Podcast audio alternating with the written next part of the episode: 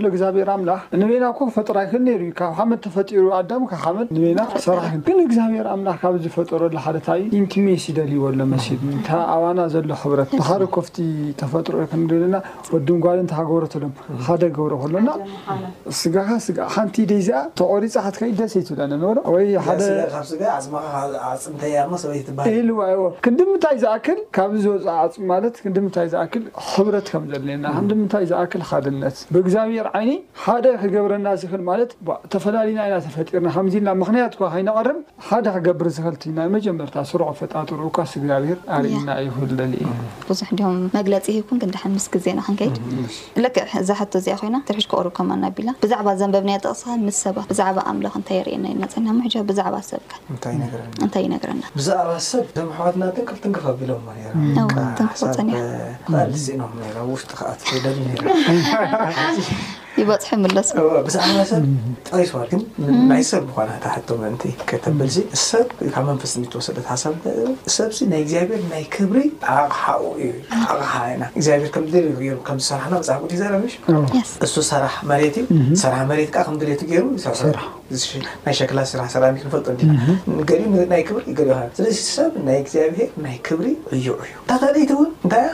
ሰብ ብሓባር ክነብር ዝተፈጥረ ሾሻል ቢንግ ከም ዝኾነ ድማ ትምህረና። እዚኣ ሰብኣይ በይኑ ክኸውን ጽቡቕ ኣይኮነን እምሽ? ሰብኣይ ብትግርኛና እታ ትኽክል ቃል ትርጉም ግን ሰብ እያ ትብል። ሰብኣይ በዓል ቤት እዩ እምሽ? በዓል ቤት እዩ። በዓል ቤት ማለት እዩ። ሰብ ግን ንኽልቲኡ እዩ ሰብ ግን ዝውክል። ወሰብ ማለት እዩ። ጓልን ወድን ዝሓዘ እወ እዩ። ስለዚ ሰብ ዋላ እታ እንግሊሽ እውን ማን እያ እንታይ ደስ ዝብላትኒ ካብዚኣ እታ ካልኣይቲ ብዛዕባ ሰብ ከኣ ሰብ ብሓባር ብሕብረት ብምቅርራብ ብዝምድና ብሕብረት ክነብር ዝተፈጥረ ምዃኑ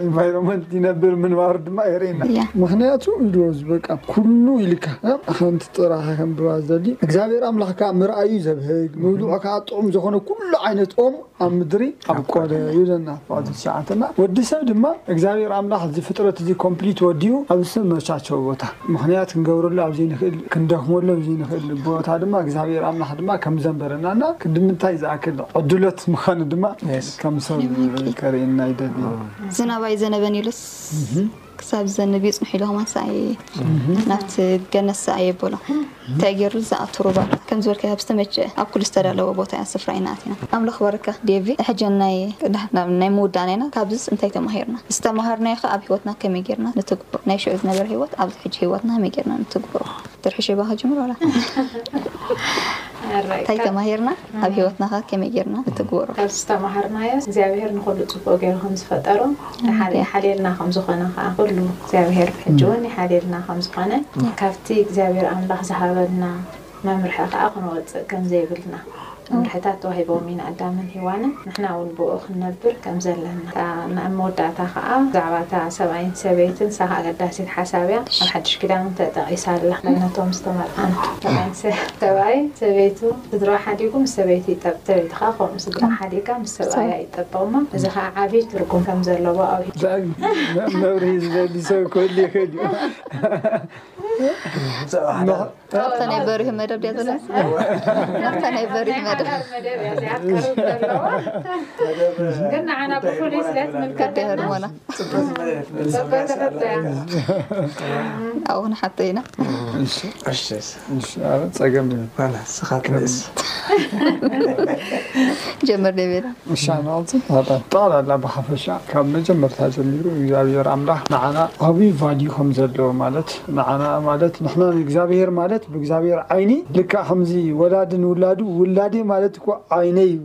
ልበ ኢናወደ ብዙሕ ነገራት ዝገልጾ እግዚኣብሔር ኣምላኽን ብዙሕ ኣብ መጽሓፍ ቅዱስ በርግጽ ገሊጽዎም ንስኻትኩም ናይ ዓይኒ ብሌን ዓይኒ ኢኹም ኣብ ኢዲ ኣሪጸኩም ከምዚ ናለ ብብዙሕ መጽሓፍ ቅዱስ ይቐምጠና እምበኣር ካብዚ ፈጣጥራ እዚ እግዚኣብሔር ኣምላኽ ንዓና ክንድምንታይ ዝኣክል ክፈጥረና ከሎ እቲ ናቱ ዝኾነ ነገር ሼር ክገብረና ከሎ ብዙሕ ዝወሰድናዮ ነገር ይህሉ እዩ ብሓጢኣት ምክንያት ዝተበላሸየ ሕጂ ሓፍቲ ትርሓስ ዓንቱ ዝበለቶ ምዚ ዘተሓዘት ኣይዱ ኣዳምስ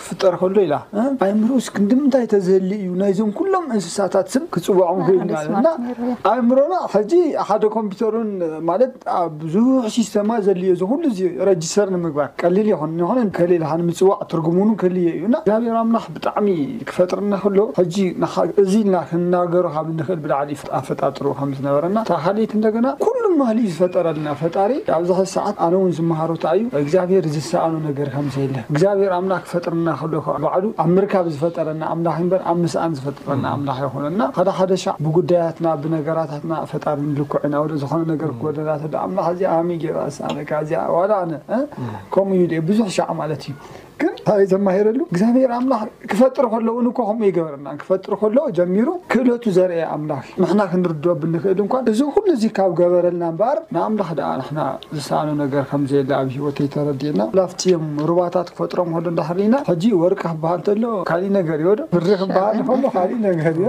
ኣብዚ ነገር እዚ ክፈጥር ከሎ ግን እግዚኣብሄር ኣምላኽ እቲ ምድራዊ ነገር ኢልና ንሕና ሕጂ ንልክዖ ኣብ ህይወትና ኣምላኽ ከምዚ ሻሕ ኣቢሉ እዩ ሂብና። ወርቂ እናረገጽዎ ክዮም ዝኸዱ ነይሮም። እብኔፍያ እታ ሓዳሽ እየሩሳሌም እኮ ምንጻፋ ወርቂ እዩ ዝብለዎ ዶ? ክርስትያን ወርቂ እታ ሓዳሽ እና እዚ ኩሉ እዚ ምድራዊ መለክዕ ንብሎ ካብ ባዕሉ እግዚኣብሔር ኣምላኽ ከይሰሰዐ ዘረከበና ኣምላኽ እቲ መኣዲ ናቱ ኩሉ ጽሒፍዎ ኣሎ እና እና ነገራት ኣምላኽ ኣብ ሕይወተይ ብነገራት ክልክዖ ከም ዘይብለይ እቲ ነገራት እሱ ድማ እግዚኣብሔር ኣምላኽ ቀሊል ከም ዝኾነ ብቻ ናተይ ስንፍና ከወግድ ከም ዘለኒ እምነተይ ከጠንክር ከም ዘለኒ ተማሂረ ኣለኹ ክብል ይደሊ። ናይ ብሓቂ ዓቢ ትዩ። ኣነ ድማ ዝውስኻ እንታይ እያ እግዚኣብሔርስ ንሰብሲ እንታይ ኢልዋ ኣንታይ ተጣይሳ ነይራ እታ ሓሳብ ትርሃስ ጠቂሳታ ነይራ ኣብ ፍቅዲ ዓሰርተ ሓሙሽተ ዘላ እንድያ ክዓያን ክሕልዋን ትብል ኣላ ሰብ ክንዓዪ እንደገና ከኣ እወ ምሕላው ዘድሊ ነገራት ከኣ ኣሎ ክንሕሉ እዚ ስራሕ ናትና ምኳኑ መጽሓፍ ቅዱስ ነጊርና ኣሎ እዚ ናይ መንእሰያት መደብ እንድዩ ንመንእሰያት መልእክቲ ከኣ ከነመሓላልፍ መንእሰያት ውን ክመሃርዎ ዝግባእ ካብዚ ንባብ እዚ እንተልዩ እንታይ ክንሰርሕ ከምዝበኣና ኣቦይ ይሰርሕ ኣነ ከኣ ክሰርሕ ኣለኩ። ኣቦይ ይገብር ኣነ ውን እገብር ኣለኹ እዩ ዘይሰርሕ ከኣ ኣይብላዕን ስራሕ ፓርት ኣርት ኦፍ ኣውር ላይፍ ኮይኑ ኣሎ በዚ መሰረት መንፈሳዊ ምዃኑ ስራሕ ድማ ተጠቂሱ ኣሎ ካልእ ኣብኡ ክጠቅሶ ዝደሊ ድማ ከም ዝደለኻ ትብል ቃል ኣላ ከም ዝደለኻ እግዚኣብሔርሲ ከመይ ናይ ድላይ ኣምላኽ ከም ዝኾነ ነጻ ዝገበረና ኣምላኽ ፍቓድ ዝሃበና ኣምላኽሲ ድላይና ክንገብር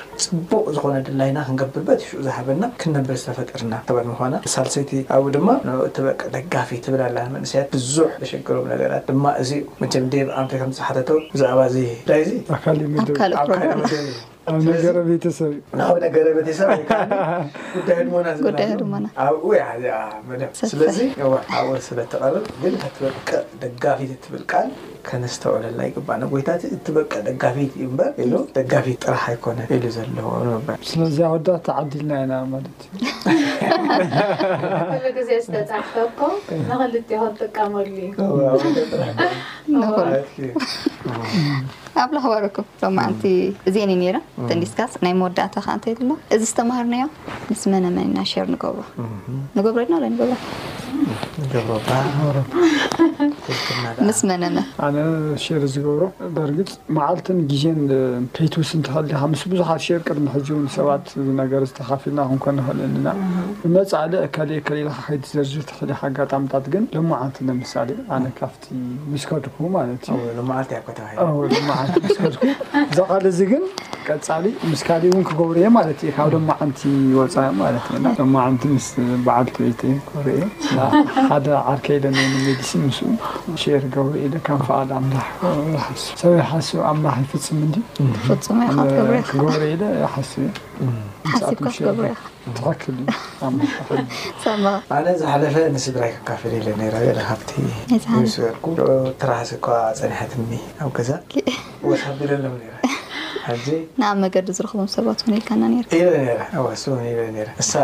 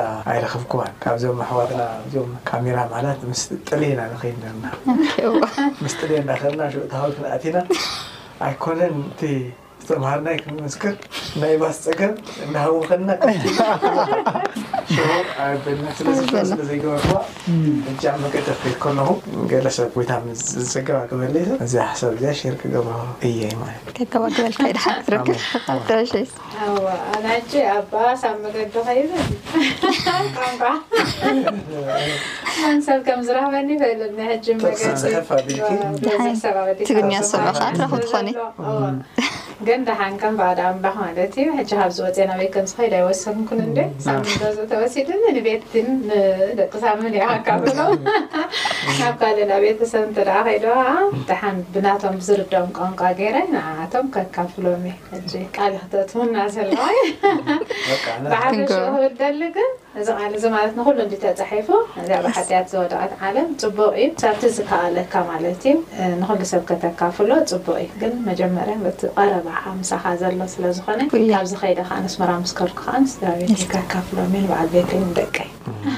ሕጂ ብዛዕባ እዚ ዝተማሃርናዮን ብዛዕባ እዚ እንገብሮ ተልእኾን ምስ ሰባት እንገብሮ ሼር ናይ ምግባር ዘልናን ኣኻኺብና ማለት እዩ ብዛዕባና ብዛዕባ ቸርች ውን ኣኪብና ጸሎት ጌርና መደብና ክንውድእ ጸሎት ዝገብረልና ትርሓስ ወይ ሳሚ ዴቭ መኽፈቲ ስለ ዝገበረልና መንኩንኩበኩም ጸሎት ጌርና ሰማይን ምድርን ዝፈጠርካ ሕያዋይ ኣምላኽና ነመስግነካ ንስኻ ምሳና ኔርካ ጀሚርና ክሳብ ንውድእ መንፈስ ቅዱስካ ስለ ዝመራሕካና ተመስገን እግዚኣብሔር ንሕና ኣብዚ መምህር ተማሃራይ የብልና ንስኻ ኣኻ ናይ ኩልና መምህር ኣብ ማእከልና ተረኺብካ ከከምቲ ዘድልየና ጌርካ ክትምህረና ንጽሊ እግዚኣብሔር ኩሉ ስለ ኩሉ ነገር ንዓኻ ምስጋና ይኹን ስለቲ ኣብ ውሽጥና ዘሎ ክንዛረቦ ዘይከኣልናን ዝተዛረብናሉን ዘለና ሓደራ ጸሎት ውን ንስኻ ድሮ ሰሚዕካዮ ኣለኻ እሞ ከም ትገብረልና ውን ንኣምን ኢና እሞ ነመስግነካ ኣለና ሰማዕና ባርኮም ሕቶኦም ኩሉ መልሰሎም ቃልካ ኩሉ ግዜ ሓዲስ እዩ እሞ ካብ ዝተምሃርናዮ ንላዕሊ ውን ተማሂሮም ክኾኑ ተስፋ ንገብር።